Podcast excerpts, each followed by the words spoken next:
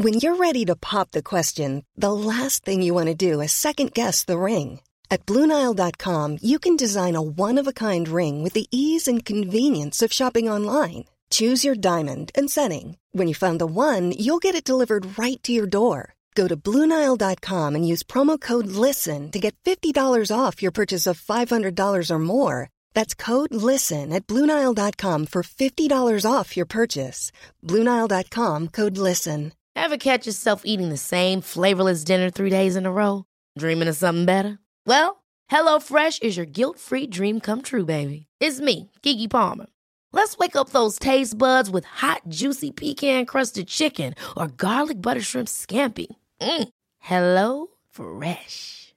Stop dreaming of all the delicious possibilities and dig in at HelloFresh.com. Let's get this dinner party started.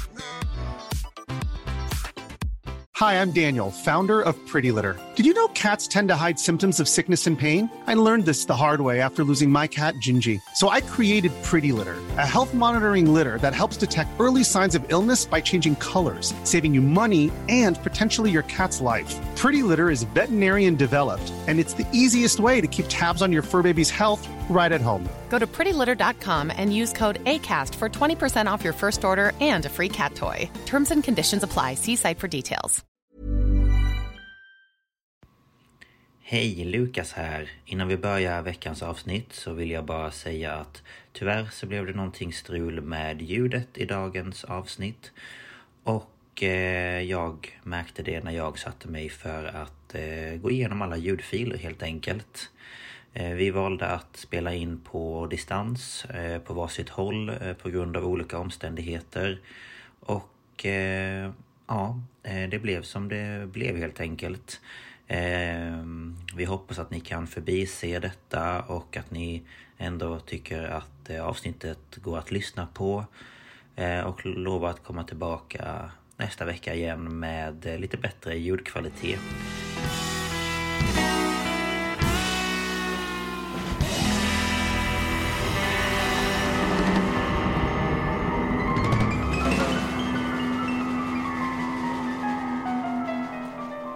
Hej allihopa och välkomna till ett nytt avsnitt av Ståpäls med mig Lukas. Och med mig Ida.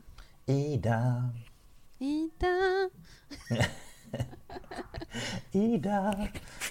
Wow. Nu ska vi se här för nu tycker jag att det blir såna där låga. Vi har haft jättemycket problem med ljudet. Eh, och nu tycker jag att det ser ut som att det blir låga såna där eh, grejer igen. Så jag håller micken precis framför mina läppar. Hoppas på att det eh, hjälper. Ja. Vi har haft jättemycket problem med ljudet. Vi spelar in på distans idag. Så att eh, jag sitter hemma i mitt kök och Lukas sitter inne på sitt kontor. Och eftersom vi måste ha varandra i telefonen så måste han koppla in vår vanliga mick i datorn. Vi brukar ha det i telefonen och då Mm. har det krånglat Ja. Det har varit jättemycket krångel så nu har jag inspelningsvolymen på högsta. Så nu hoppas jag att ni ska höra mig. Jag hör i alla fall. Ja, Jag det är bra. Det är Jag positivt. sitter med min... Som när vi spelade in Ed och Lorraine Warren-avsnittet sitter jag med min ena gamla Singstar-mikrofon Ja, i just datorn. ja. Mm. Så Ja. har jag en intresserad liten hankatt här som ligger och Ja. siktar in sig på sladden. Så att... Eh, Får se om den sitter tills avsnittet är slut. Ja, om det den har lossnat kanske. jag. Ja, det borde den väl göra. Ehm, vi kan ju Hur säga är att, läget annars? Ja, jag tänkte precis säga det. Vi kan ju säga att vi är trötta. Och jag vet inte riktigt varför. Jag, Nej, jag vet inte. jag har känt mig sen i måndags. Jag är så trött så jag vet liksom inte. Det känns som att jag är typ medvetslös. Ja. Man sitter typ bara och börjar vingla och bara... Ja, och jag har ändå jobbat. Men det är alltså på morgnarna och sen typ igår kväll jag satt vid datorn och bara kände jag blev tröttare och tröttare och jag bara orkar typ inte ta mig till sängen och nej, jag vet Nej. inte. Bara, Nej, så kände jag när jag skulle gå och lägga mig. Jag satt och kollade på Youtube. Och jag bara lät video på video på video börja. För jag, Mm. jag bara satt där och bara, jag borde gå och lägga Ja. mig. Men jag, jag reste inte liksom. på mig. Nej, jag vet inte vad det är, om det är någonting med klockan eller vädret eller jag vet, ingen aning. Nej, jag vet Men inte. det är jobbigt i varje fall. Eh, Men annars Ja. är det väl eh, bra förutom det. Vi hade maskerad på jobbet idag så jag var ju utklädd till Harry Ja. Potter.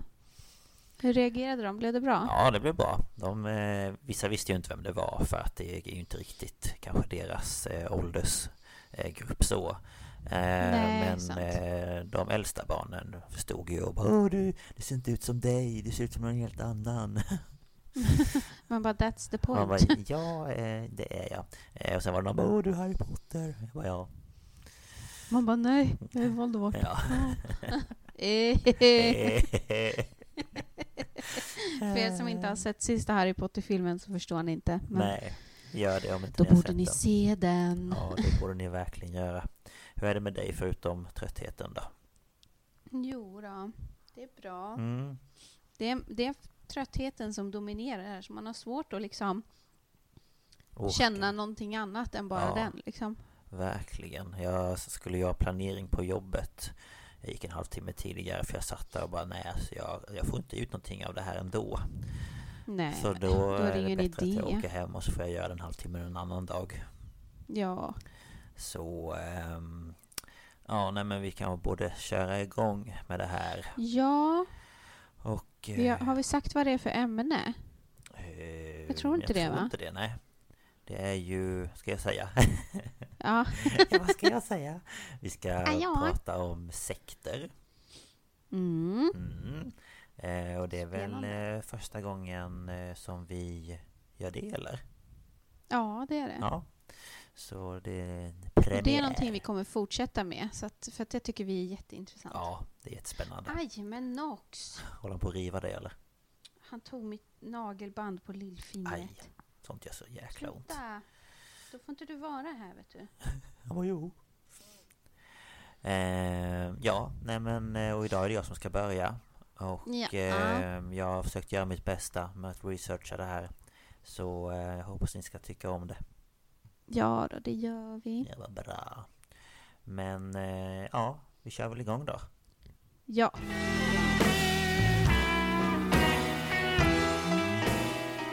Ja, tänkte jag säga, men det ska jag inte alls det säga. Nej, jag? Hur var det med det där nu Lukas? Skulle vi hålla på med det eller vad sa Ja, vi? vad var det nu med det va? Nej, eh, jag försöker tänka mig att jag inte ska göra det, men det är så lätt att bara så här. Det är liksom som en ingång till någonting. Ja! Men sen så blir det också li- kanske lite mer sånt nu när vi inte ser varandra, utan då måste man liksom så här, Ja, kör. är du med nu eller liksom? Men snälla rara, nu får du sluta. Släng in kan i inte, du håller sovrummet och aldrig på med de där dörren. grejerna annars. Varför ska du göra det nu? För att eh, du gör grejer som är viktiga. Oh my god. Och jag vill identifiera Fan, det. Ricks ryck alltså. Ja, jag förstår det. Eh, jag ska i alla fall prata om eh, satanism. Ja! Ja, eller jo. nu lät jag väldigt entusiastisk där, men jag tycker det är jätte, jätte, jätteintressant. Det är väldigt intressant faktiskt. Eh, och eh, Det var inte så här, ja, min sekt. Nej. då den ska jag gå med i. Alltså om det var någon sekt som jag skulle gå med Ja, i så skulle det det väl vara det. Typ. Jag känner det också. Jag, jag har liksom, min bild har ändrats de senaste dagarna. Men det är väl bra. Ja, eh, så... Eh, ja, nej. Eh, jag kan väl berätta att jag har tagit eh, vad heter det, fakta från History, alltså själva tidningen fast från, på datan då, liksom internet. Alltså de som har History Channel och... Ja men precis. Och allt sånt där. Eh, Och det var någon som hette någonting med eh, satanism och någonting. Och sen har jag tagit från Wikipedia. Och sen en sida som heter frihet.se och det var typ så här om feminister inom satanismen. Eh, Jaha, och mm. sen eh, Svenska Satanistkyrkans blogg Mm. har jag tagit. Eh, för jag kommer prata lite om själva vad liksom Satan i grund och botten kommer ifrån och sen Mm. lite om olika eh, typer av eh, sekter eller ja och sen lite om svensk eh, satanism i Sverige Ja. så att säga. Men du var inte in på eh, Anton LaVeys hemsida där? Jo, jag har varit inne på eh, den men jag har inte tagit någon fakta därifrån utan jag har bara varit inne och Okej. tittat. Du bara dubbelkolla och läsa lite och... Ja, precis. Eh, Så att jag Ja. har inte tagit någon fakta just därifrån Nej, men eh, ja, jag har kollat där och sen kollade jag på en jättekort så här minidokumentär, typ så här tio frågor du vill ställa till någon som är satanist liksom. Eh, och det var Mhm, från mm. Vice på Youtube. Mm. Eh, och eh, ja, svarade på lite frågor. Eh, men jag kör igång. Ja, men gör det. Ja, och det är lite svåra ord så jag ska försöka uttala det så, så bra jag kan. Ja, och är det något som, som våra lyssnare kanske inte förstår så kanske vi får försöka förklara dem. Ja, men precis. Men eh, ja, i varje fall, då kör jag. Ehm, Yes. Den eh, kristna avbilden av Satan är en röd demonisk figur med horn, spetsig svans och ibland även hovar. Eh, inom kristendomen eh, skickar man det som syndat till hans domän, alltså helvetet, efter döden. Eh, helvetet beskrivs som en underjordisk värld som domineras av eld och sadistiska demoner som styrs av Satan. Eh, men det var dock inte inom kristendomen som Satan först framträdde utan i zoroastrianismen. Eh, Och det är en gammal persisk religion som kan ha sitt ursprung för cirka 4000 år sedan.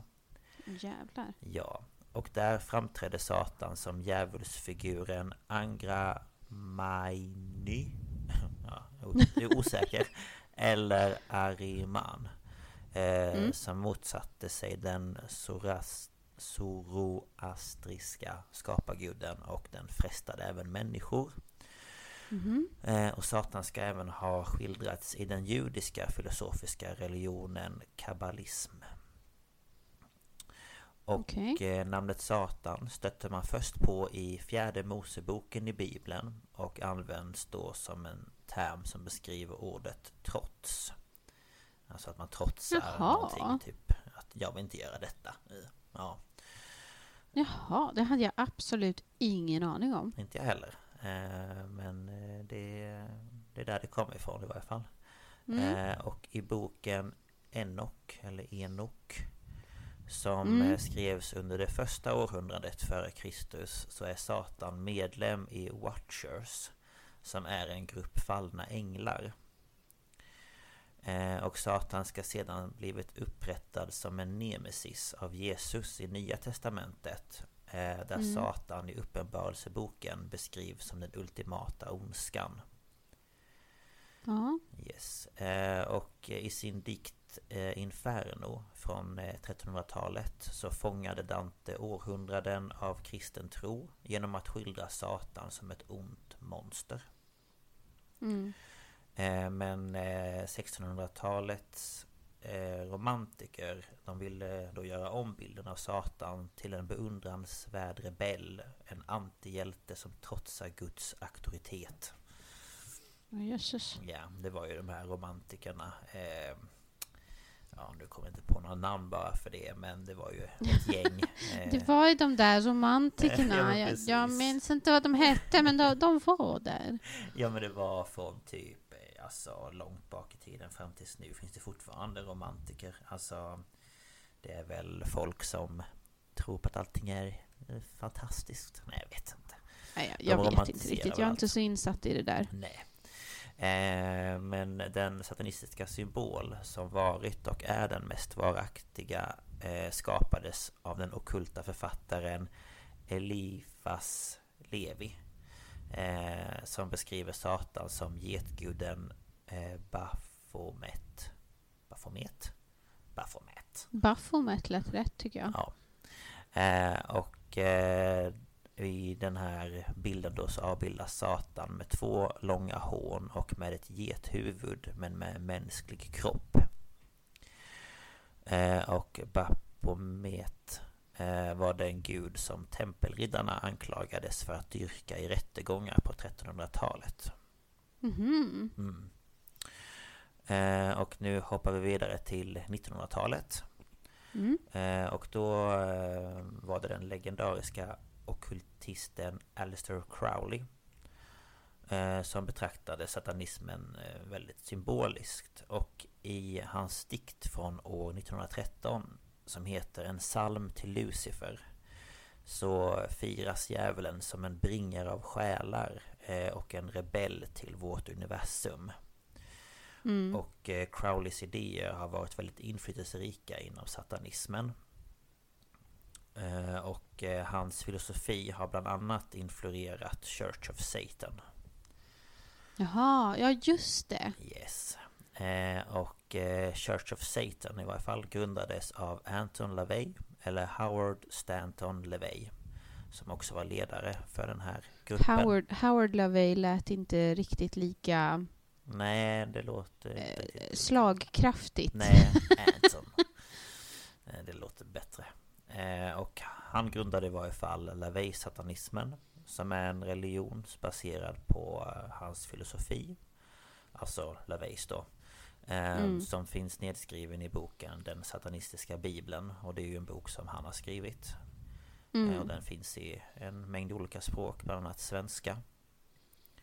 Jaha, den finns på svenska? Ja, det gör den. Det visste jag inte. Nej, jag, fick, jag lyssnade, det gjorde jag också. Jag lyssnade ju på sekter om Church of Satan. Ja, just det. Ja. Och där sa de att den finns på olika språk och då var det svenska en av dem. Och inom LaVey-satanismen så beskrivs Satan som en positiv symbol och sägs representera människans naturliga beteende. Mm. Och den viktigaste högtiden är utövarens födelsedag. Så om jag till exempel skulle utöva den här satanismen så skulle min födelsedag vara den bästa och viktigaste högtiden. Jaha. Mm. Eh, och eh, det finns eh, två organisationer som är baserade på denna typ av satanism och det är då Church of Satan som skapades av LaVey. Mm. Och Eh, First Satanic Church som eh, då administreras av LaVeys dotter Carla. Eh, och de här är då inte de enda organisationerna som är baserade på den här satanismen Men Church of Satan de erkänner inte de andra organisationerna utan de är så här, nej, nej Vi vill inte blanda oss med det liksom Okej okay. Eh, och eh, LaVey-satanister de tror varken på Gud eller djävulen i liksom begreppens traditionella mening. Eh, utan eh, de menar på att satanister är i grund och botten ateister och de placerar sig själva i Guds ställe. Mm. Eh, och den högsta den högst uppsatta prästen inom Church of Satan heter Peter H. Gilmore. Och han sa i dokumentärfilmen Inside the Church of Satan att han anser att det finns eh, kötsliga människor och spirituella människor. Och då de kötsliga människorna, de känner inget behov av att ha någon helig makt som står över dem. Utan tar hand om sig själva och ser till sin egen lycka. Eh, mm. Medan de spirituella människorna känner ett behov av att ha någon form av auktoritet som är större än de själva för att känna sig säkra.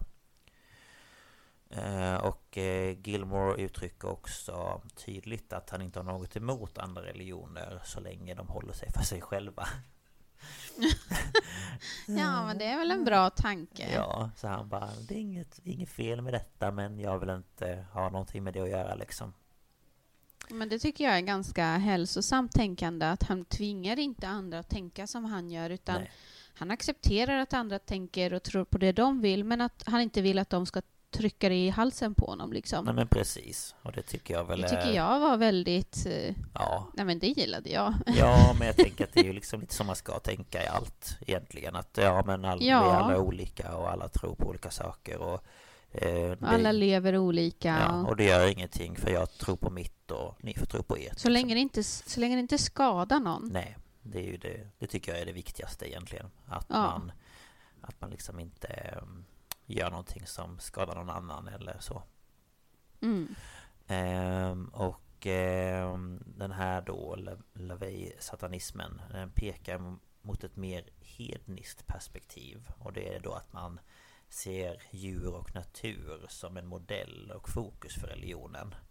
Ehm, mm. Att man liksom ja, men, ser upp till det, liksom hur djur och naturen är, eller vad man nu säger.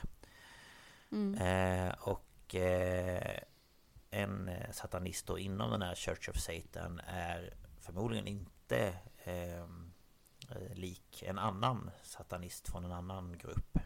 Eh, och eh, eftersom Gud sällan nämns inom Church of Satan och den, eh, ja, Gud diskuteras heller inte inom läran.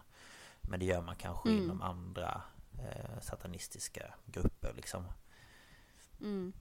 Ehm, och eh, det som är centralt inom eh, LaVey-satanismen det är att en individ inom det här då måste hitta och genomdriva sin egen mening i livet och hitta sig själv och inte utgå från alla andra. Eh, Mm. Och man uppmuntrar till mångfald och alla förväntas finna sin egen sexualitet och skapa sin egen personlighet och sätta sina egna mål i livet. Så det är ingen som Mm. gör det åt dig liksom utan Nej. det är vad du vill göra som är det viktigaste. Ja, men det är väl bra. Ja, och ehm, eh, den här satanismen då förespråkar även sexuell frihet men under förutsättningen att man inte skadar någon annan.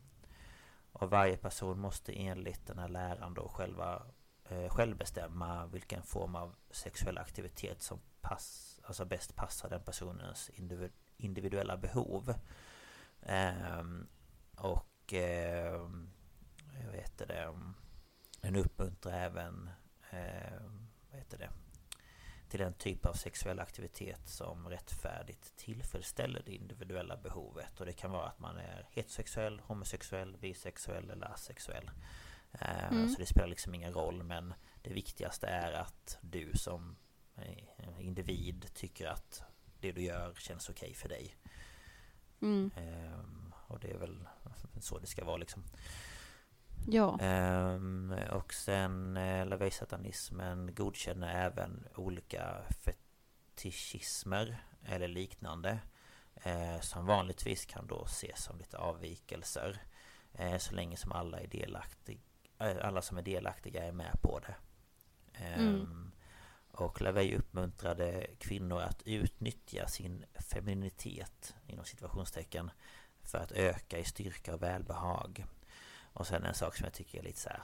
Mm, han ansåg att feminism uppmuntrade kvinnor att hata sin femininitet. Och det tycker väl inte riktigt jag, om man säger så. Är det inte tvärtom? Jag känner ju att det är tvärtom. För jag tänker att... Eh, ja men om du är en feminist då vet du ju själv vad... Alltså, ja. Det jag kan inte riktigt förklara jag tänker men för mig är det tvärtom. Men han kanske tänker att feminister eller feminism gör att kvinnor som vill leva i traditionell, de här gamla traditionella könsrollerna, att de mindre kvinnliga eller liksom att de inte står för sig själva. Jag vet inte. Alltså det kan ju vara så. Eh, det är ju svårt att För veta. det finns men- ju de som vill leva som det där, vara hemmafru och maten ska stå på bordet när mannen kommer hem. Och Ja, ja. Trivs de med det, fine. Men jag vet ju att vissa Ja. feminister ser ner på dem som mindre kvinnor, typ. Ja. Det kanske är det han menar, jag har ingen aning. Nej, jag vet faktiskt inte riktigt heller. Ehm, men ehm, jag, jag tänker att det kanske... Ja, jag vet inte. Men eh, jag, jag tycker att det var lite ett, eh, ja, svårt eh, och ja, uttalande. Det var ett litet konstigt uttalande. Ja, Men ja, ja. Det var jag av en man, vet ja, du. Nej, jag skojar. där kan man inte förvänta sig för mycket. Nej, eller hur? Nej. Nej, jag skojar bara. Nej, Ja, det gör jag också. Såklart. Jag är fullt allvarlig. Ja, jag är jätteallvarlig. Jag ska... Eh, eh, ja, eh, nu fortsätter jag. Ja. Eh, Lex talionis eller lagen om tand och klo ersätter det kristna Gör mot andra vad du vill andra ska göra mot dig med gör mot andra det som andra gör mot dig. Eh, LaVey satanister strävar då efter att bara ge medkänsla och sympati till de som förtjänar det. Eh, enligt läran så är kärlek, medle medlidande och sympati inte till för att slösas på otacksamma. Så du måste liksom vara... Du måste ha gjort någonting för att vara värd det här. Ja, så det är ju den här... äh, Du måste göra någonting för att vara värd min respekt. Precis. Och om du behandlar mig illa, då behandlar jag dig illa. Alltså, jag... jag kan ju hålla med lite om det. Ja, det gör jag också faktiskt. Alltså, man behöver ju såklart inte gå runt och bete sig illa mot folk för att de inte har betett sig trevligt mot en Nej, än så länge. Alltså liksom, nej, nej såklart det kanske inte är det de menar heller. Nej, jag tror det är liksom folk som de liksom... De, de känner. Folk som är otrevliga mot mig ska inte jag bry mig om att vara trevliga mot. Nej, men precis. Lite så. Att jag, varför ska jag lägga min energi och min kärlek till dig om du inte ger någonting till mig? Men det är väl också ganska vettigt kan jag tycka. Ja, det tycker jag med. Eh, och sen så ehm, eh, menade LaVey också att intelligenta och starka människor tillbringar det för mycket tid på att visa omsorg för, inom citattecken, psykiska vampyrer. Vilket han då menar som är svaga individer som alltid krävde uppmärksamhet och omsorg utan att ge något tillbaka. Mm. Eh, och eh, han lärde ut att eh, satanister skulle sträva efter att undvika sådana människor så mycket de då kunde. Eh, Ja. För att man då skulle kunna leva överensstämmande med de instinkter och det, det, de viljorna man hade liksom.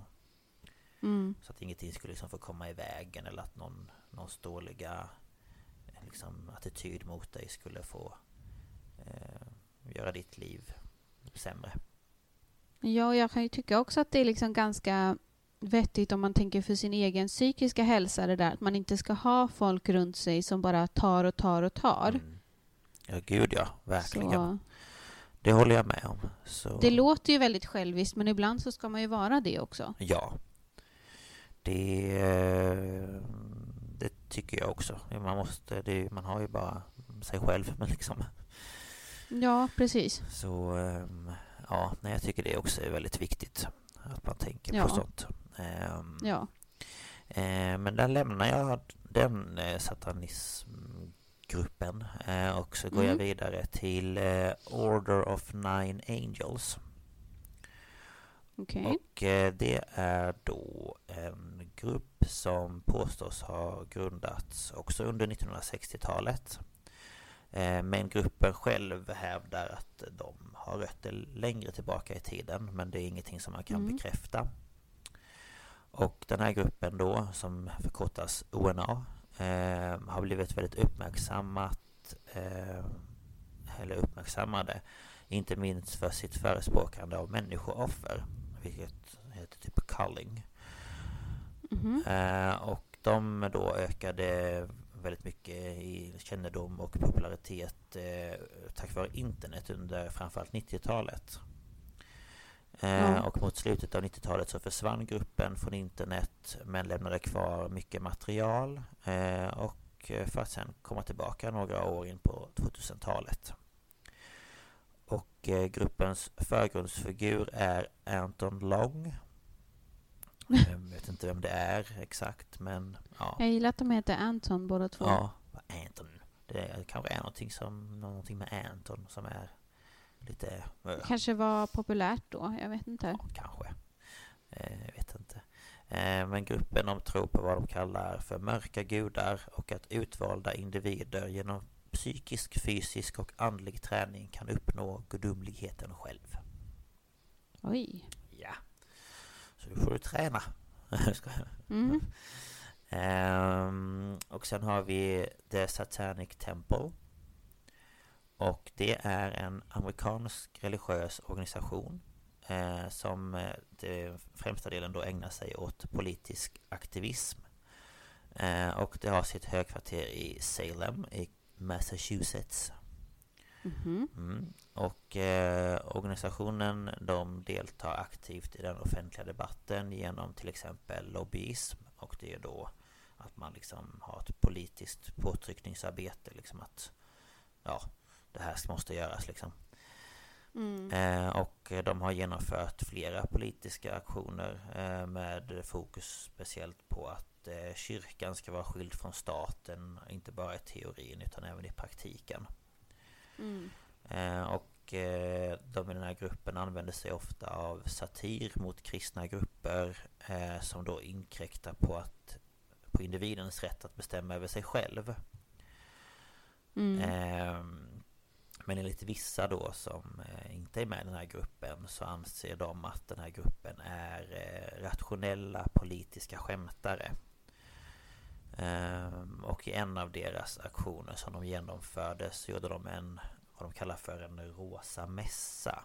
Ehm, och det var vid Fred Phelps eh, mammas grav. Och han är då grundaren av den kontroversiella Westboro Baptist Church. Mm. Och han var känd för att vara väldigt emot homosexuella. Eh, och den här ritualen då, den eh, innebar att samkönade par kysstes över eh, mammans grav. Och eh, The Satanic Temple ska då ha sagt efter ceremonin att ehm, ehm, att de då hade gjort eh, Phelps mamma lesbisk i livet efter detta. Jag tyckte det var lite roligt.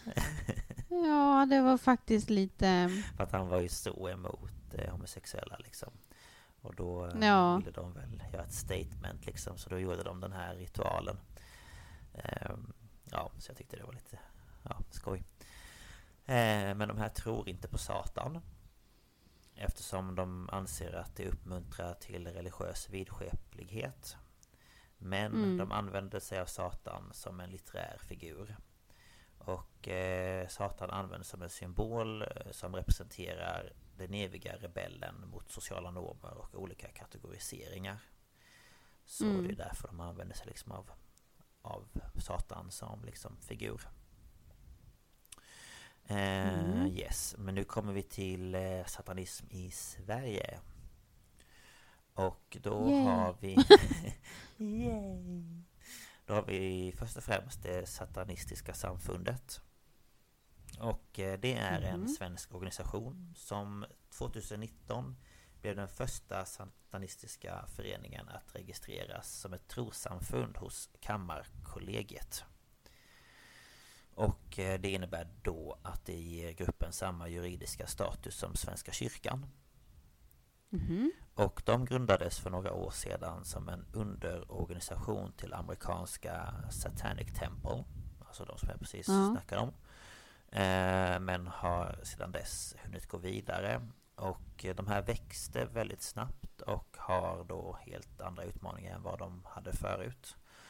Eh, och eh, i och med det så valde de att gå med i en grupp i England istället. Som har större förståelse för läget i Europa. Mm. Ehm, och idag då så eh, organiserar de sig under paraplyorganisationen eh, Global Order of Satan. Mm. Och där ingår, eh, ingår, ingår eh, samfund i bland annat Ungern, Frankrike, Tyskland och Rumänien. Eh, mm. Och eh, alla har då humanism och jämlikhet som liksom främsta Ja men det de främst bryr sig om. Mm. Ehm, och sen har vi då den svenska satanistkyrkan. Ehm, och den har funnits eh, sedan 1996 men under lite olika namn. Och senast hette de The Satanic Order. Ehm, och år eh, 1998 så bytte de då namn till Svenska Satanistkyrkan. Och eh, deras mål har då alltid varit att eh, den felaktiga bilden av satanism ska då förändras genom att de mm. deltog i, eller deltar i intervjuer, radioprogram, föreläsningar på bland annat skolor. Eh, och deras fokus är också att vara en samlingsplats på internet. Eh, och de uppmuntrar till bland annat författarskap, musik, poesi och konst. Eh, och fram till 2004 så hade Svenska Satanistkyrkan lokala ceremonier och avdelningar för de som ville träffa likasinnande. Eh, men det är dock inget som de har idag. Eh, utan det har de ja, slutat med. Mm. Och det är de två största som jag kunde hitta här i Sverige. Ja. Sen hittade jag inget annat om just det.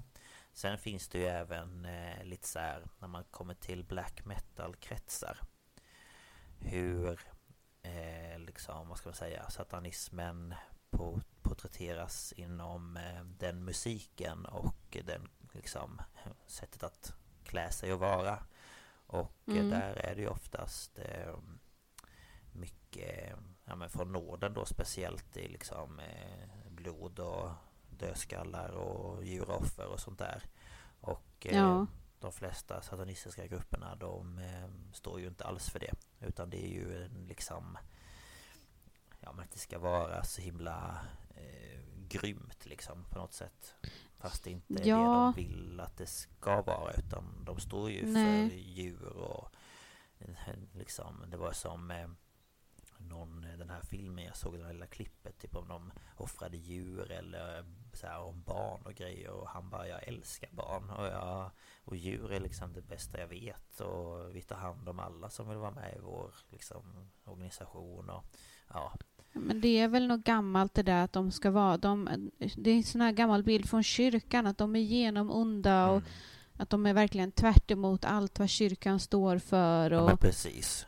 Och, eh, och, och det det då eh, finns det kvar liksom. Ja. Det är ju så. Men eh, ja, nej, det var det jag hade att bidra med. Nej, men jag tyckte det var jätteintressant. Ja, vad skoj. Det var svårt Jag tycker, att... tycker det är intressant med satanism. Ja, alltså för min bild har ju varit den här liksom som man har sett då inom de här liksom black metal-kretsarna. Eh, Mm. För att det är ju oftast den som man får eh, se och ta del av. Eh, Ja. och när jag då har förstått att de står väldigt mycket för liksom mångfald och allas rätt till att älska det man vill och eh, att de tycker om djur och ja, men så här human, humanistiska eh, och så, så blir man så här, jaha, okej, det är det de vill. Ja, Och många grupper idag är ju liksom feministiska. Eh, Så det är väldigt vanligt med feminism inom satanismen.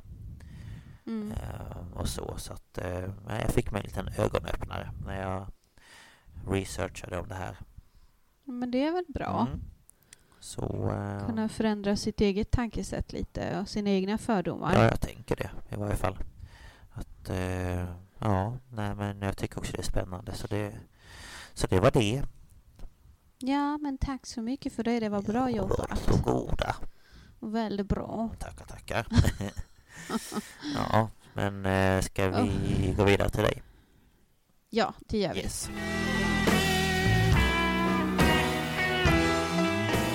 Då är det min lilla tur då. Ja. Jag, jag har ju valt eh, Santa Muerte, Mm. eller Den heliga döden. Ja, du har ju bara snackat lite med mig om det, men jag har faktiskt aldrig hört om det. Alltså hört talas om det. Nej, jag hörde det ju på... Först så hörde jag det på... Det är Parcast Networks Cults Mhm. som gjorde the, the Cult of Nakusari. Okej. Eh, och jag kommer till i slutet eh, varför det heter det. Mm. Och sen så kom ju det svenska avsnittet på sekter Mm. om eh, eh, kulten av Nakusari. Yes. Och så har jag ju kollat lite på nätet, bland annat då Wikipedia, lite eh, nyhetsartiklar om... Eh, för en, de, de här... Eh, några som eh, tror på Santa Muerte begick ett brott. Okej. Ja. Eh, och det är det jag har kollat lite på på nyheterna och eh, sådär. Mm. Ehm, och eh, jag var lite så här, kan jag ta det här? Räknas det som en sekt? För att de som är i det räknar det väl inte som en sekt, men Nej, det tror kyrkan gör det. Jag tror inte att eh, det som jag heller pratar om satanism att det egentligen i grund och botten ses som en sekt. Men det blir ju Nej. det på något sätt ändå. Ja. Ehm, så. Men jag tänkte, största delen av, av min del kommer vara information om Santa Muerte och sen kommer det lite om det här på slutet, Mm. eh, brottet där. Yes, yes. Ehm, jag tycker det här är så himla intressant. Mm. Ja, men jag är spänd på att höra. Ja, nu kör vi väl igång. Ja, det gör vi. Eh, Nuestra Señora de la Santa Muerte. Eh, det är spanska för Vår dam av den heliga döden.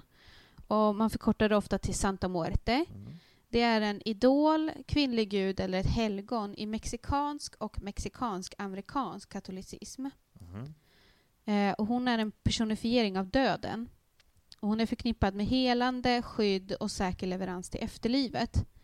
Okej. Ehm, och Santa Muerte, eh, hon är typiska den här kärt barn har många namn. Eh, för att hon har så många namn och jag har tagit med några bara. Mm. Så hon kan kallas för La Flaquita, som betyder den magra damen. La Huesuda, som betyder den beniga damen. La Niña Blanca, den vita flickan. La Hermana Blanca, den vita systern. La Niña Bonita, den vackra flickan. Och La Dama Poderosa, den kraftfulla damen. Mm. Eh, och det är bara några. Okej. Eh, Hon har så många namn. Mm. Ehm, nu ska vi se. Eh, och då går jag in på lite ursprung till Santa Muerte. Eh, ursprunget till tillbedjan av Santa Muerte är de, eh, föremål för debatt. Det är troligen en blandning mellan den prekolumbianska mesoamerikanska religionen och den spanska kulturen. Okej. Så liksom när eh, eh, Cortés och de där kom till eh, Latinamerika Ja, så kom ju de med sin kultur och så blandas ju de. ja, såklart. Eh, mesoamerikaner har alltid upprätthållit en viss vördnad mot döden. Eh, vilket manifest- manifesterade sig bland annat i de religiösa sedvänjorna i antika Mexiko inklusive aztek-religionen. Regionen. Ja, nu är det. Det går så bra för Det mig. går alltid bra för oss. Efter den spanska erövringen av det här eh, området så minskade tillbedjan av döden men den utrotades aldrig. Mhm. Och eh, John Thompson från University of Arizona Southwest Center har hittat referenser från 1700-talets Mexiko. Enligt en berättelse nedskriven i den spanska inkvisitionens annaler, alltså eh, Jag bara analer. det är annaler med två n. Ja. Det är liksom, ja, böcker, eh, register. Eh, A lot can happen in three years, like a chatbot may be your new best friend. But what won't change? Needing health insurance. United Healthcare Tri Term Medical Plans, underwritten by Golden Rule Insurance Company, offer flexible, budget friendly coverage that lasts nearly three years in some states. Learn more at uh1.com. Hold up. What was that? Boring. No flavor. That was as bad as those leftovers you ate all week. Kiki Palmer here, and it's time to say hello to something fresh and guilt-free. Hello Fresh. Jazz up dinner with pecan-crusted chicken or garlic butter shrimp scampi. Now that's music to my mouth. Hello Fresh. Let's get this dinner party started. Discover all the delicious possibilities at hellofresh.com. så band ursprungsbefolkningen i centrala Mexiko en skelettfigur som de talade om som Santa Muerte och hotade den med piskning om den inte gjorde mirakel eller beviljade deras önskningar. Eh, och ytterligare en blandning mellan prekolumbianer och kristna övertygelser om döden kan, kan man se i firandet av de dödas dag, the day of the dead, Ja, just det. eller Dia de, lo de los Muertos. Precis. Är det då man har de här små Eh. Ja, precis. Yes. Eh, under eh, det här firandet så lockas eh, många eh, mexikaner till kyrkogårdar för att sjunga och be för vänner och familjemedlemmar som har dött. Mm. Barn deltar i festligheterna genom att äta choklad i godis av form av en skalle och delar av firandet inkluderar användning av skelett för att påminna människor om deras dödlighet. Jobbigt att behöva åka Ehm, dit och äta om man har godis. sett filmen... Va? Jobbigt att behöva åka dit och äta godis. Ja. Nej, men har man sett filmen Coco Mm. så det är ju The Day Ja, of the Dead. det. Den har inte jag sett ännu. Den är väldigt bra Jag kan faktiskt. tänka mig det. Jag skulle nog kolla på det någon dag kanske. Ja. vi, vi är experter på att bara sticka iväg känner jag. Ehm, till skillnad från De dödas dag eh, så förblev öppen vördnad mot Santa Muerte hemlig fram till mitten av 1900-talet. Och när det blev offentligt i sporadiska händelser var reaktionen ofta hård och inkluderade vanhelgning av helgedomar och altare. Så om det var någon som kom på att de eh, eh, tillbad Santa Muerte så slog man sönder deras altare och så vidare. Okej. Eh, vördnad av Santa Muerte dokumenterades på 1940-talet i arbetarkvarter i Mexico City. Andra källor säger att väckelsen har sitt ursprung omkring 1965 i delstaten eh, Hidalgo, eller Hidalgo om man vill säga det på svenska. Mm. Eh, för närvarande finns Santa Muerte i hela Mexiko och även delar av USA och Centralamerika. Okej. Eh, det finns videor, webbplatser och musik som komponeras för att hedra henne. Och kulten av Santa Muerte fick först stor uppmärksamhet i Mexiko i augusti 1998 då polisen arresterade den ökända gangstern Daniel Arismendi Lopez. Mm. Eh, och eh, då upptäckte man en, eh, ett stort altare i hemmet. Mhm. Ehm, och mycket rapportering i pressen gjorde att man i det mexikanska folkmedvetandet kopplade samman Santa Muerte då med våld och brottslighet på grund av det där. Mm. Okej. Eh, sedan 2001 har det skett en enorm ökning av Santa Muerte-tron, till stor del på grund av, att hen, på grund av hennes rykte att utföra mirakel. Och eh, det finns ungefär två miljoner anhängare, mestadels i, i eh, Mexiko. Eh, nu ska vi se. Det är nog eh, delstater i Mexiko, så det är Guerrero, Veracruz, Tamaulipas, eh, Campeche Morelos och Mexico City. Okej. Ja. Och eh, det har även börjat spridas till Nuevo León. Mm. Okej.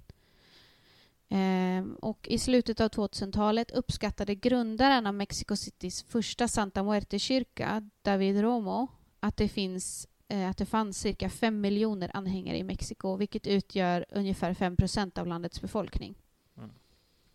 Så det är ganska många. Det är ganska många, ja.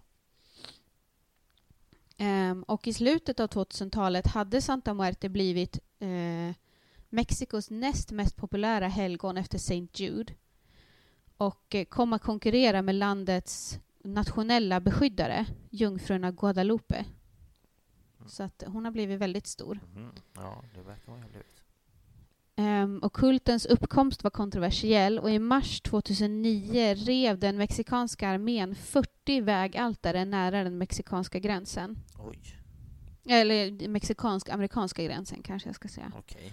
Det var ju i Mexiko, Ja, jo. Sant. men det var vid amerikanska gränsen. Ja, okej.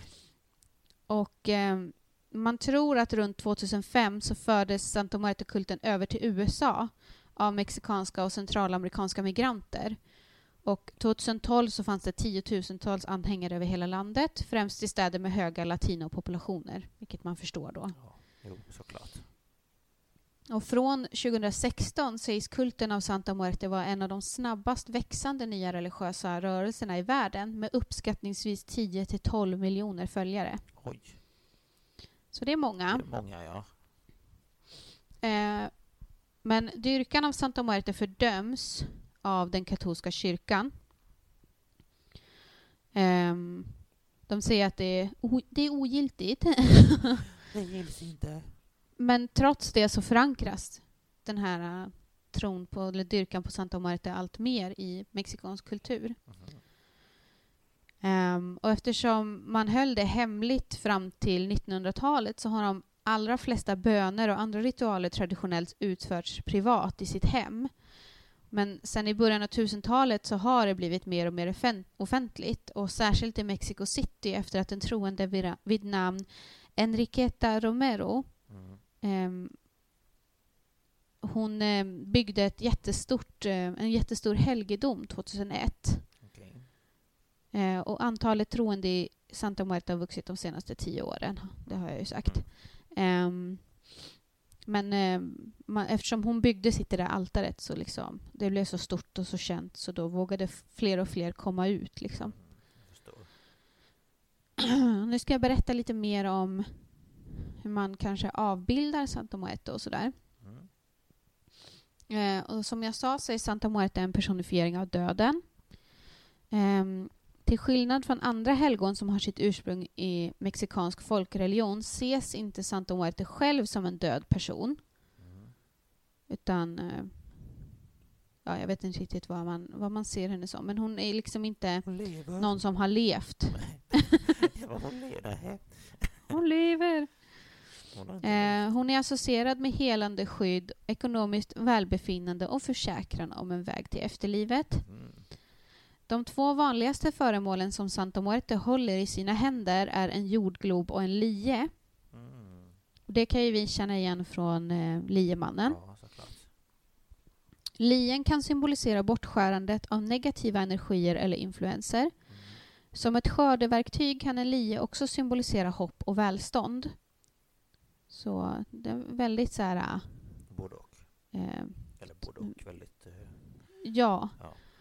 Ehm, hennes lie reflekter- reflekterar hennes ursprung som liemannen eller La Parca i medeltida Spanien Mm.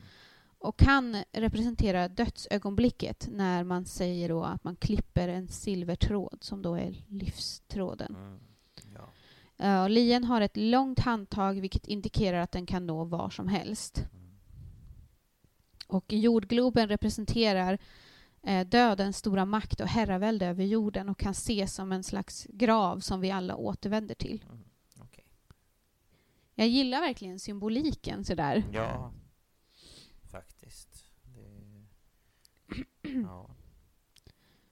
Eh, hon har också andra föremål som hon kan avbildas med och det kan vara en våg, ett timglas, en uggla eller en oljelampa. Och vågen hänvisar till rättvisa, alltså rättvisa och opartiskhet Okej. och gudomlig vilja. Mm. Ett timglas indikerar tiden för livet på jorden och även tron på att döden inte är slutet eftersom man kan vända på timglaset så börjar ju tiden om. Ah, just ja.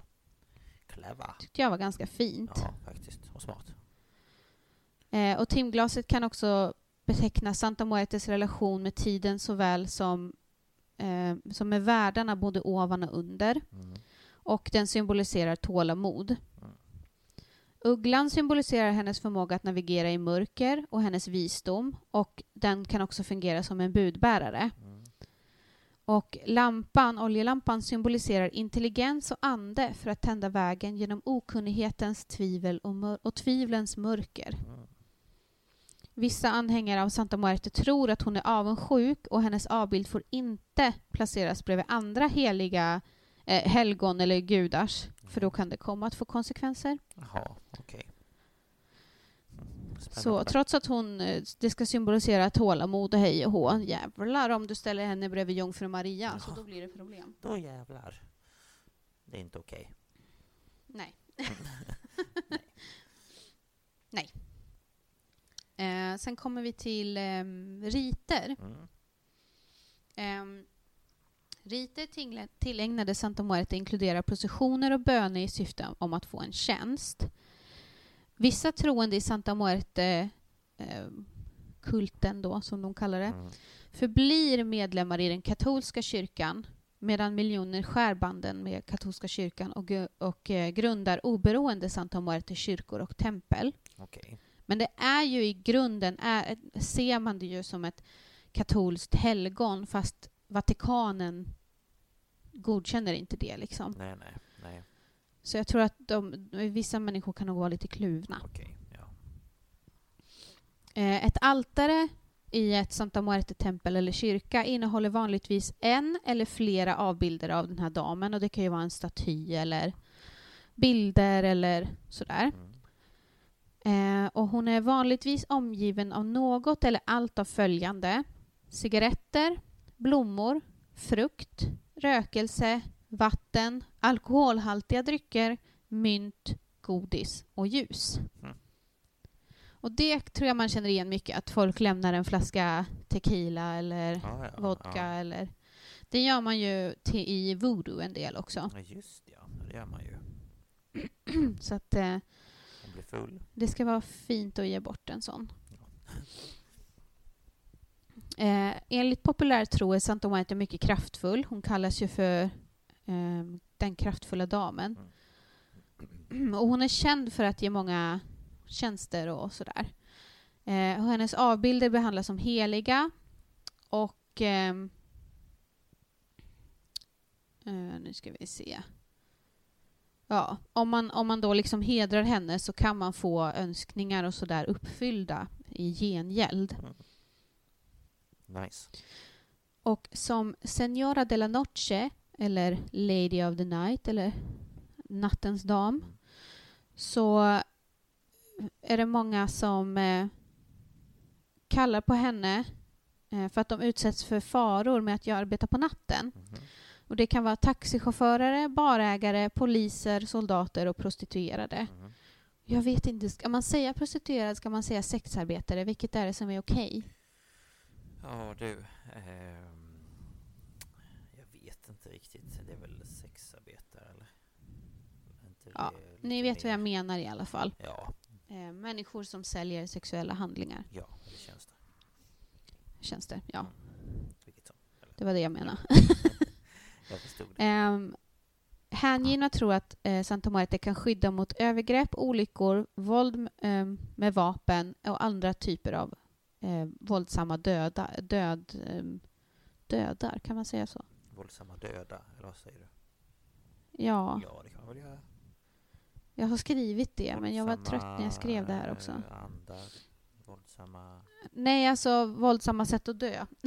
Jaha. Jag bara- jag tror du menade Hon skyddar, hon skyddar liksom eh, skyddar mot eh, att du inte ska dö Vå- hemskt, eller vad man ska säga. Ja, Ja, på olika sätt. Ja. Eh, och hon ses också som en beskyddare för homosexuella, bisexuella och transpersoner i Mexiko Mm. eftersom många anses vara uteslutna från samhället och det är ju på sätt och vis hon också. Mm. Och eh, många personer inom de här grupperna då ber henne om skydd mot våld, hat, sjukdom och hjälp om att eh, de ska få hitta en kärlek. Åh, det var fint. Och eh, hennes förbön åberopas ofta vid äktenskapsceremonier av sam- samkönade par som utförs i Mexiko. Mhm. Och Iglesia Católica Tradicional Mexico Estados Unidos, även känd som kyrkan Santa Muerte, erkänner samkönade äktenskap och utför religiösa vigslar för homosexuella par. Ju Så där är väl ännu en anledning till att Vatikanen inte gillar Santa Muerte. Ja, jag vet inte men jag här nu gick ju påven ut för några veckor sedan och sa att, att det är väl såklart att det är okej att älska vem man vill. Ja, Mm. Har han slagit sig? Ja, jag vet inte. Sa- Nej, han som är nu, han som är nu är en väldigt modern påve, Ja, måste jag säga. Så att, eh, nej, han sa att det är väl ingen, inget fel med det. Ja, men vad trevligt. Mhm. Tyckte jag också. Det hade jag missat. Ja, nej, han sa det. Jaha. Så, eh, det är positivt. Ja. Ehm, nu ska vi se vart jag var. Ursäkta, min näsa rinner. Är ingen fara. Eh, jo, de här, eh, man har ju ofta som en staty, kan vara olika storlekar. Mm. Eh, och eh, man kan klä henne lite olika beroende på vad man ja, vill rikta sitt altare till. Mm. Då. Eh, vad man vill ha eller sådär. Eh, och man har då olika klädnader, eh, massa olika färger då. Mm. Eh, men det är också vanligt att man klär Santa Muerte som en brud. Mhm. Och de som gör det är då de som söker en man. Ah, okej. Alltså kvinnor som vill gifta sig. Eh, sen så kan, man också, kan de också klä henne i europeiska medeltida nunnekläder Okej. för att hon då ska likna ett katolskt helgon. Mm. Ja. Och eh, jag pratade ju om att eh, man eh, har ljus, står vid henne. Mhm. Och de kallas för votivljus. Ehm, och de och kläderna är associerade, färgen på dem är associerade med vilken typ av önskemål, det sa jag ju. Mm. Eh, och vit är den vanligaste färgen och kan symbolisera tacksamhet, renhet eller rengöring av negativa influenser. Mm. Det är ganska vanligt, det är liksom oskuldens färg. Ja, jo, det det ju. Eh, rött är för kärlek och passion. Det kan också betyda emotionell stabilitet. Eh, guld betyder ekonomisk makt, framgång, pengar och välstånd. Mm. Det är ju också väldigt vanligt. Grönt är rättvisa i juridiska frå- frågor eller en enhet med nära och kära. Mhm. Eh, gul eller mörkgul indikerar hälsa. Och man har ofta den här färgen då i re- rehabiliteringscentrum. Mhm. Och särskilt för de som är då drogberoende eller Mm. har problem med alkoholism. Ja. Eh, svart representerar totalt skydd mot svart magi eller trolldom eller omvänd negativ magi eller för kraft riktad mot rivaler och fiender. Okej. Det är också lite så här, ja, svart, det är ju inte direkt positivt. Nej. Nox, låt bli, jag vill inte. Men jag är svart. Ja, det vet vi. Eh, blått ljus och kläder indikerar visdom och det här gynnas ju av eh, skolbarn eller vuxna studenter. Mm. Det kan också användas för att främja hälsa. Mm. Eh, brun används för att åberopa andar medan lila, liksom gul, vanligtvis symboliserar hälsa. Och på senare tid har lila, gula och vita ljus använts mycket för att be Santa Muerte för läkning och skydd mot corona. Corona. Jaha, det visste jag inte. Så um, då vet du vilket ljus du ska tända då. Ja, det svarta. Nej, jag. Lila, gul och vit. det svarta. Jag ska tända corona på alla. Ja. Nej. Ehm, man kan också ha ett polykromt sjufärgat ljus. Eh, vilket de främsta forskarna som då forskar på Santa Muerte antog, eh, antagligen antogs från Santerias sju maktljus. Mhm. Eh, det är en eh, blandningstro som fördes till Mexiko av kubanska migranter. Okej.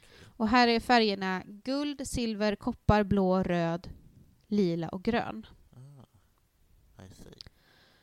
Ehm, så man kan ha ett sånt också, ett regnbågsljus kan man väl säga. Jaha. Snyggt. Ja. Eh, och eh, förutom ljusen och kläderna så pryder varje anhängare sin egen avbild på sitt eget sätt. Och man kan då lägga dit amerikanska dollar, guldmynt, smycken och ja, andra föremål. Mm. Ehm, Santa Muerte har en helgonsdag som varierar från helgedom till helgedom. Så man kan väl egentligen ja, ha när man vill. Eh, Men det ska liksom vara en dag som är speciell. Den mest framträdande är första november eh, eftersom den här eh, Enriqueta Romero hon firar eh, vid sin Tepito-helgedom. Ehm, det är ju då den här jättestora kända. Och det är då alltså årsdagen för när hon byggde upp det som jag har fattat det. Och den är alltså, jag tror att den är life size. Eh, och hon är, är klädd som en brud. Ehm, och många andra firar hennes dag den 15 augusti. Okej. Jag vet Det inte var varför. Ja.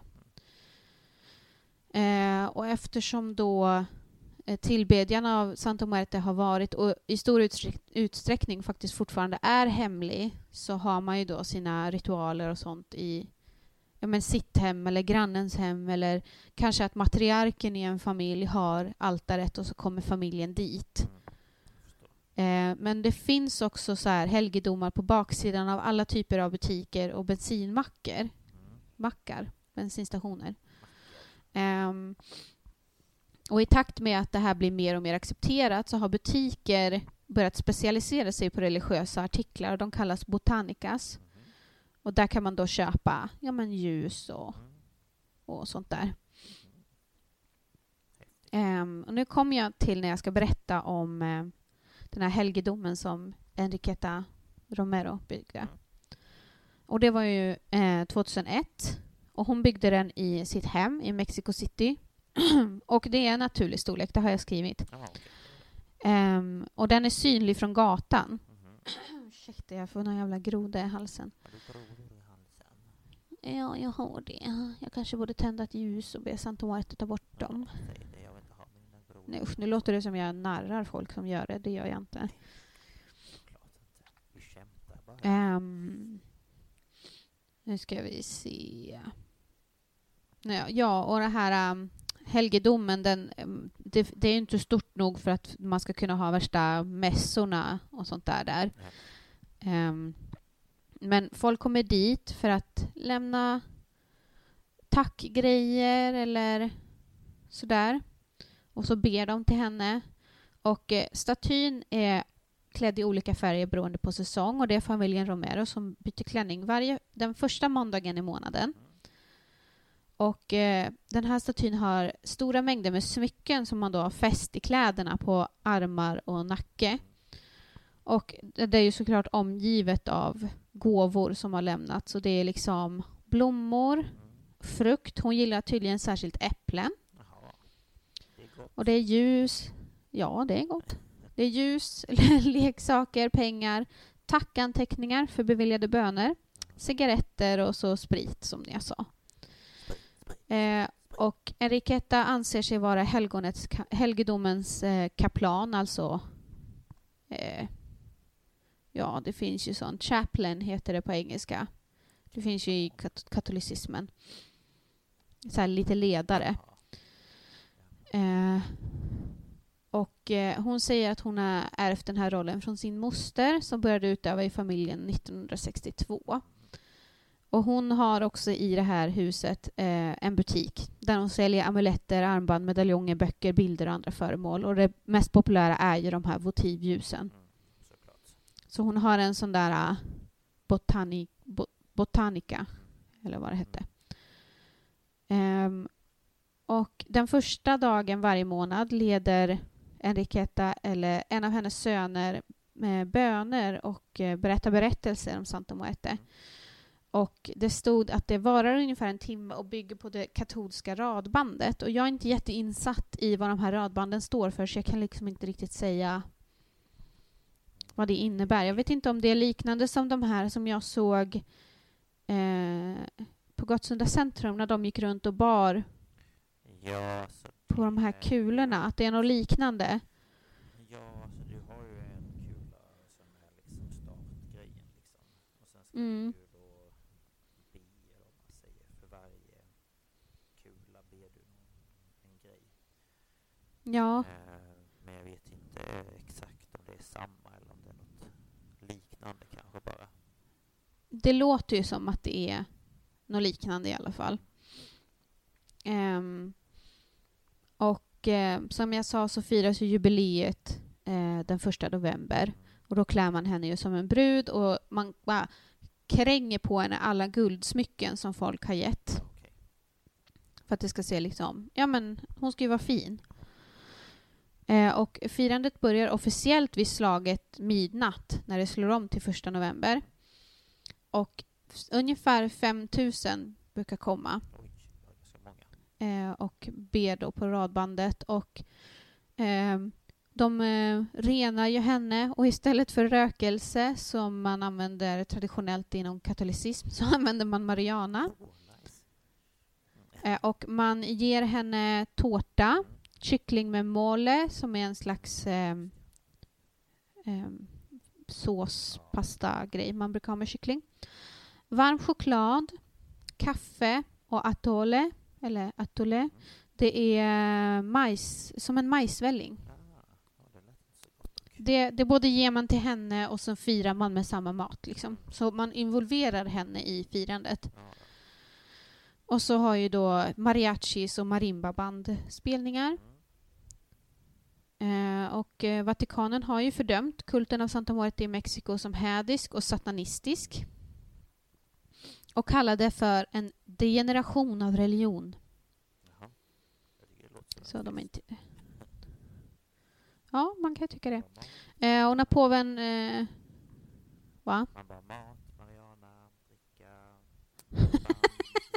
Du bara Maja, jag är på! Aldrig provat. Nej. Jag men för att- men- Nej, jag skojar. Nej, eller hur? Ehm, vi, vi, eh, we do not endorse drugs, okay? Nej, det är- står för liksom. Nej, det är upp till var och en, känner jag. Eh, när påven Francis besökte Mexiko 2016 avvisade han Santa Muerte på sin första hela dag i landet och fördömde Santa Muerte som en farlig figur för narkokultur. Så att eh, det är väl han som är nu, så han gillar inte Santa Muerte. Så det första han gjorde på, när han kom till Mexiko var att säga ja, ja det är hädelse. Typ. Precis. Ehm, och latinamerikanska protestantiska kyrkor har också fördömt det som svart magi och lurendrejeri. Ehm, och Mexikos katolska kyrka har anklagat Santa Muerte-anhängare, varav många döptes in i den katolska religionen trots skillnaden i tro och det faktum att Santa Muerte-kyrkor och tempel infört en separat dopmetod. Eh, de anklagar dem för att ha vänt sig till djävulsdyrkan. Okej. Mm. Ehm, så. Mm. Ehm, eh, katoliker Katoliker säger att Santa Muerte är en avgud vars tillbedjan har förkastats av Jahwe i Gamla testamentet. Och tillbedjan till henne eller någon annan avgud kan vara en form av oavsiktlig djävulsdyrkan, för oavsett vad dyrkarna avser kan djävulen lura människor att göra sådana saker. Eh, präster tuktar regelbundet församlingsbor och säger till dem att döden inte är en person utan en del av livet. Och eh, kyrkan, de eh, har inte slutat och kalla såna här anhängare som eh, försättare och anklagar dem för heterodoxi. Och det är alltså när man helt enkelt är oortodox. Alltså man följer inte eh, det gamla, det gamla liksom. Det, det ska vara som det alltid har varit. Ehm, och andra skäl till att den mexikanska katolska kyrkan officiellt har fördömt tillbedjan av Santa Muerte är för att de flesta av hennes ritualer är ju modellerade efter deras katolska ritualer och det tycker de inte om. Så att eh, de är, de är sura kan man säga. Ja. Så det var liksom om Santa Muerte och nu kommer jag komma till sekten i Nacosari. Eh, det började med att Silvia Meraz Moreno föddes i Hermosillo i Sonora, Mexiko.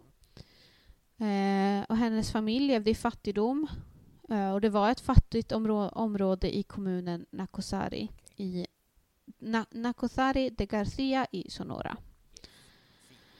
När hon var 16 år födde hon sin första son, Ramon Omar Palacios Meraz. Och eh, hon fick ytterligare tre barn med sin första man. Eh, och han hette Martin Baron Lopez. Och hon fick med honom Ivan Martin, Francisca Magdalena eh, och Georgina Guadalupe Baron Meraz. Det är många, många namn.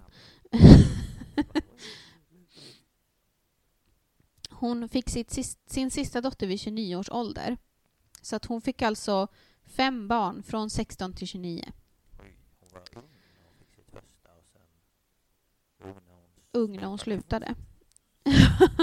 um, den yngsta dottern heter Silvia Jahai Jahaira, eller hur man nu säger det, jag vet inte. Hennes efternamn är inte känt.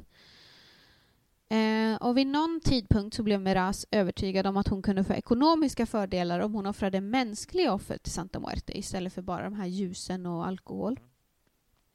Och hon fick alltså, hon var motiverad av illavarslande idéer, alltså hon trodde att hemska saker skulle hända. Typ som hon tvålmakerskan som trodde att hennes son skulle dö. Eh, och hon orkestrerade då tillsammans med familjen de här morden för att vinna Santa Muertes gunst. Och hon fick eh, åtta familjemedlemmar, inklusive fyra av hennes fem barn. Det var alltså Ramon, Francisca, eh, Georgina, Silvia och hennes far Cipriano. Eh, och så var det eh, Silvias partner Eduardo och en kvinna vid namn Zoila Ada Santa Cruz Ikiri, tror jag hon heter. Um, och eh, Silvia då hade ett förhållande med en fem år yngre man som också hette e Eduardo. Eller nej, det är hennes partner som heter Eduardo. Det var inte Silvias partner, det var hennes partner. Nu blir jag lite förvirrad. Och han hade ett barn från ett tidigare förhållande som hette Martin. Och nu kommer vi till det första mordet. Ehm, det första offret var Silvia Meras 55-åriga vän Cleotilde Romero Pacheco. Nej, Pacheco. Ehm, och hon hittades död i december 2009. Cleotild var en lokal kvinna som sålde glass och hon hade inga nära släktingar. Ehm, Silvia berättade senare att hon hade sagt till Romero att plocka undan en 20 pesos sedel från marken. Och när hon böjde sig för att plocka upp den så slog hon henne i nacken med en yxa. Ja, en uh, schysst... Mm. Schysst tjej. Verkligen. Sen högg hon ha huvudet av Cleotild, gav ett offer av, av hennes blod eh, till Santo Muerte för att få skydd. Och sen brände de henne och begravde henne nära sitt hem. Ja, vad mysigt. Mm. Trevligt. Verkligen. Fantastiskt. Mord nummer två var den tioåriga Martin Rios som då var biologisk son till Eduardo och adopterad son till Silvia. Han mördades i juni 2010 och hon kommer ihåg att hon hade fått, folk, poj, äh, fått pojken full och hennes yngsta dotter, som då var 13, hade knivhuggit honom minst 30 gånger. Och i en ritual som hölls medan han fortfarande levde så skars hans vener och hans blod spreds runt ett altare. Fantastiskt, va?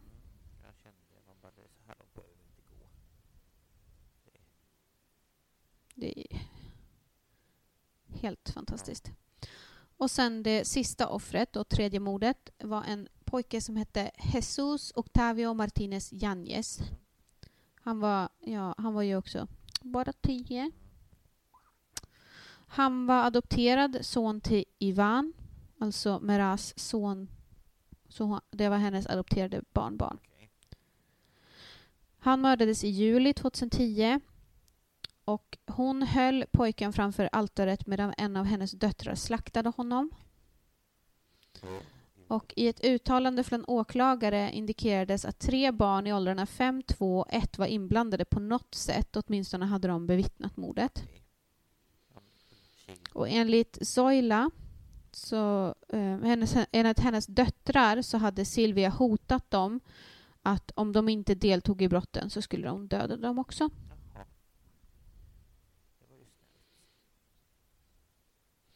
Och eh, utredningen av de här Eh, av allt det här började efter att Jesus eh, rapporterades saknad av sin mor och hennes pojkvän. Eh, och eh, utredarna, tro- utredarna trodde från början att han kunde ha blivit tagen eh, av ett människohandelsnät på grund av att en eh, pojke som gick och tiggde på gatan nära Arizona-gränsen hade sett någonting om att han hade sett honom eller något. Eh, men den här hypotesen uteslöts och efter två års utredning eh, så blandades familjen Meraz in i den här utredningen eftersom man hittade en kropp under golvet i eh, Silvias yngsta dotters sovrum. Och det var hans kropp. Ehm, de andra två liken hittades i ett opopulerat område nordost, nordost om Nakusari nära huset ändå, men eh, de bodde väl kanske i utkanten då, antar jag. Eh, och de stat, den statliga polisen upptäckte de här liken i, under en icke-relaterad utredning, utan de hittade dem och bara ”nej men gud, vad är detta då?” ”Nej men gud, här hittar vi ju två till, har du dödat dem också eller?” Helt lost. eh, Silvia och de övriga sju inblandade, alltså alla Miras släktingar inklusive eh, mannen då, eh, hennes eh, sambo. Eh, de arresterades i mars 2012. Och eh, hon fick ett fängelsestraff på sammanlagt 180 år. Och resten av kultmedlemmarna, som man då kallar dem, dömdes till 60 års fängelse. Och den yngsta dottern skickades till ett ungdomsfängelse. Ja. Eh, och enligt psykologiska utvärderingar så verkade flickan, som var 15 år vid morden och deltog i från tidig ålder, hon verkade anse att det här var helt normalt.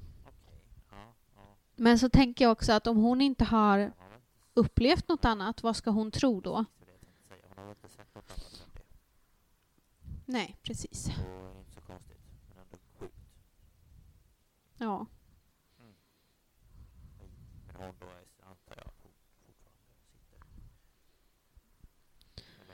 Eh, jag har inte sett något om att hon har dött. Eh, så jag tror inte det. Nu vill min, min eh, dator inte... Jag tänkte jag bara skulle kolla lite snabbt. Eh, Silvi, Silvia Merath. Eh, nej, hon ska inte vara död. Hon är bara 52 nu. Oj, ja, det var inte så mycket. Ja, men allt det här hände ju liksom... Hon, var, hon har ju varit så ung. Hon är ju bara född 68 liksom. Ja, 29 när hon fick sitt sista och... Ja. 15. Vad sa du? Mm, precis. Så att eh, hon verkar leva. Ja, jag hoppas ju det. Ja. Ja, nej, alltså det finns ju... eh, Jag, jag tycker det är helt okej att tro på saker, men eh, man behöver inte dra det så långt. Nej. Och det här är ju ingenting som andra anhängare av Santa Muerte står för heller.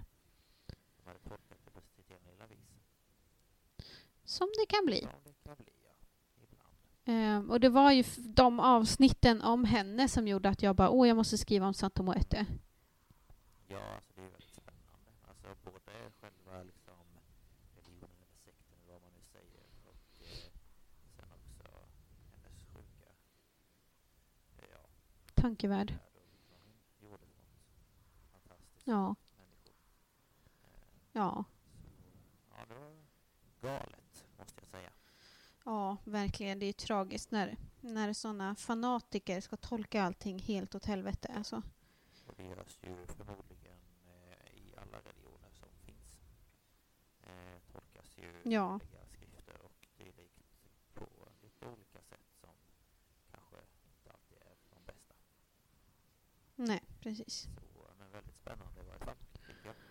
Ja, det tycker jag också. Spännande. Vi, får, vi kommer ju gå in på sekter mer nästa säsong. Så Ja, det ja, för vi båda tycker det är intressant. Ja, det är väldigt intressant. Så, det hoppas jag att ni också tycker.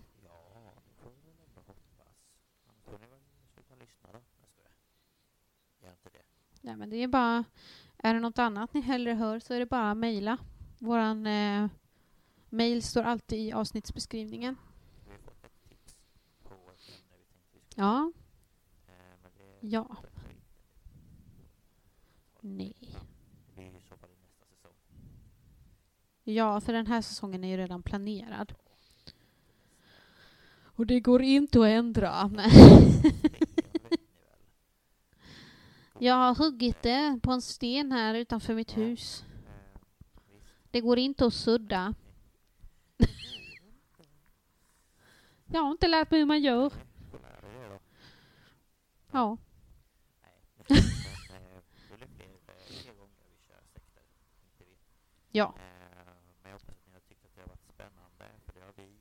men,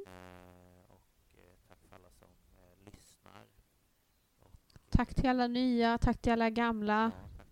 Ja. Det är, det är jättekul. Det är så kul. Ja, Nej men gud, jösses då. Nej.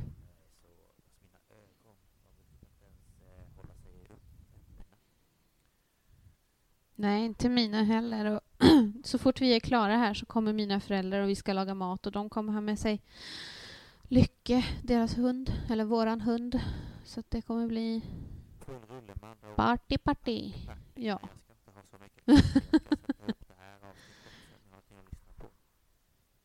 Ja. sen får vi se vad som händer. Ja, Men eh, ja, tack för att ni har lyssnat. tack så mycket. Ha det bra. Ja. Hej då!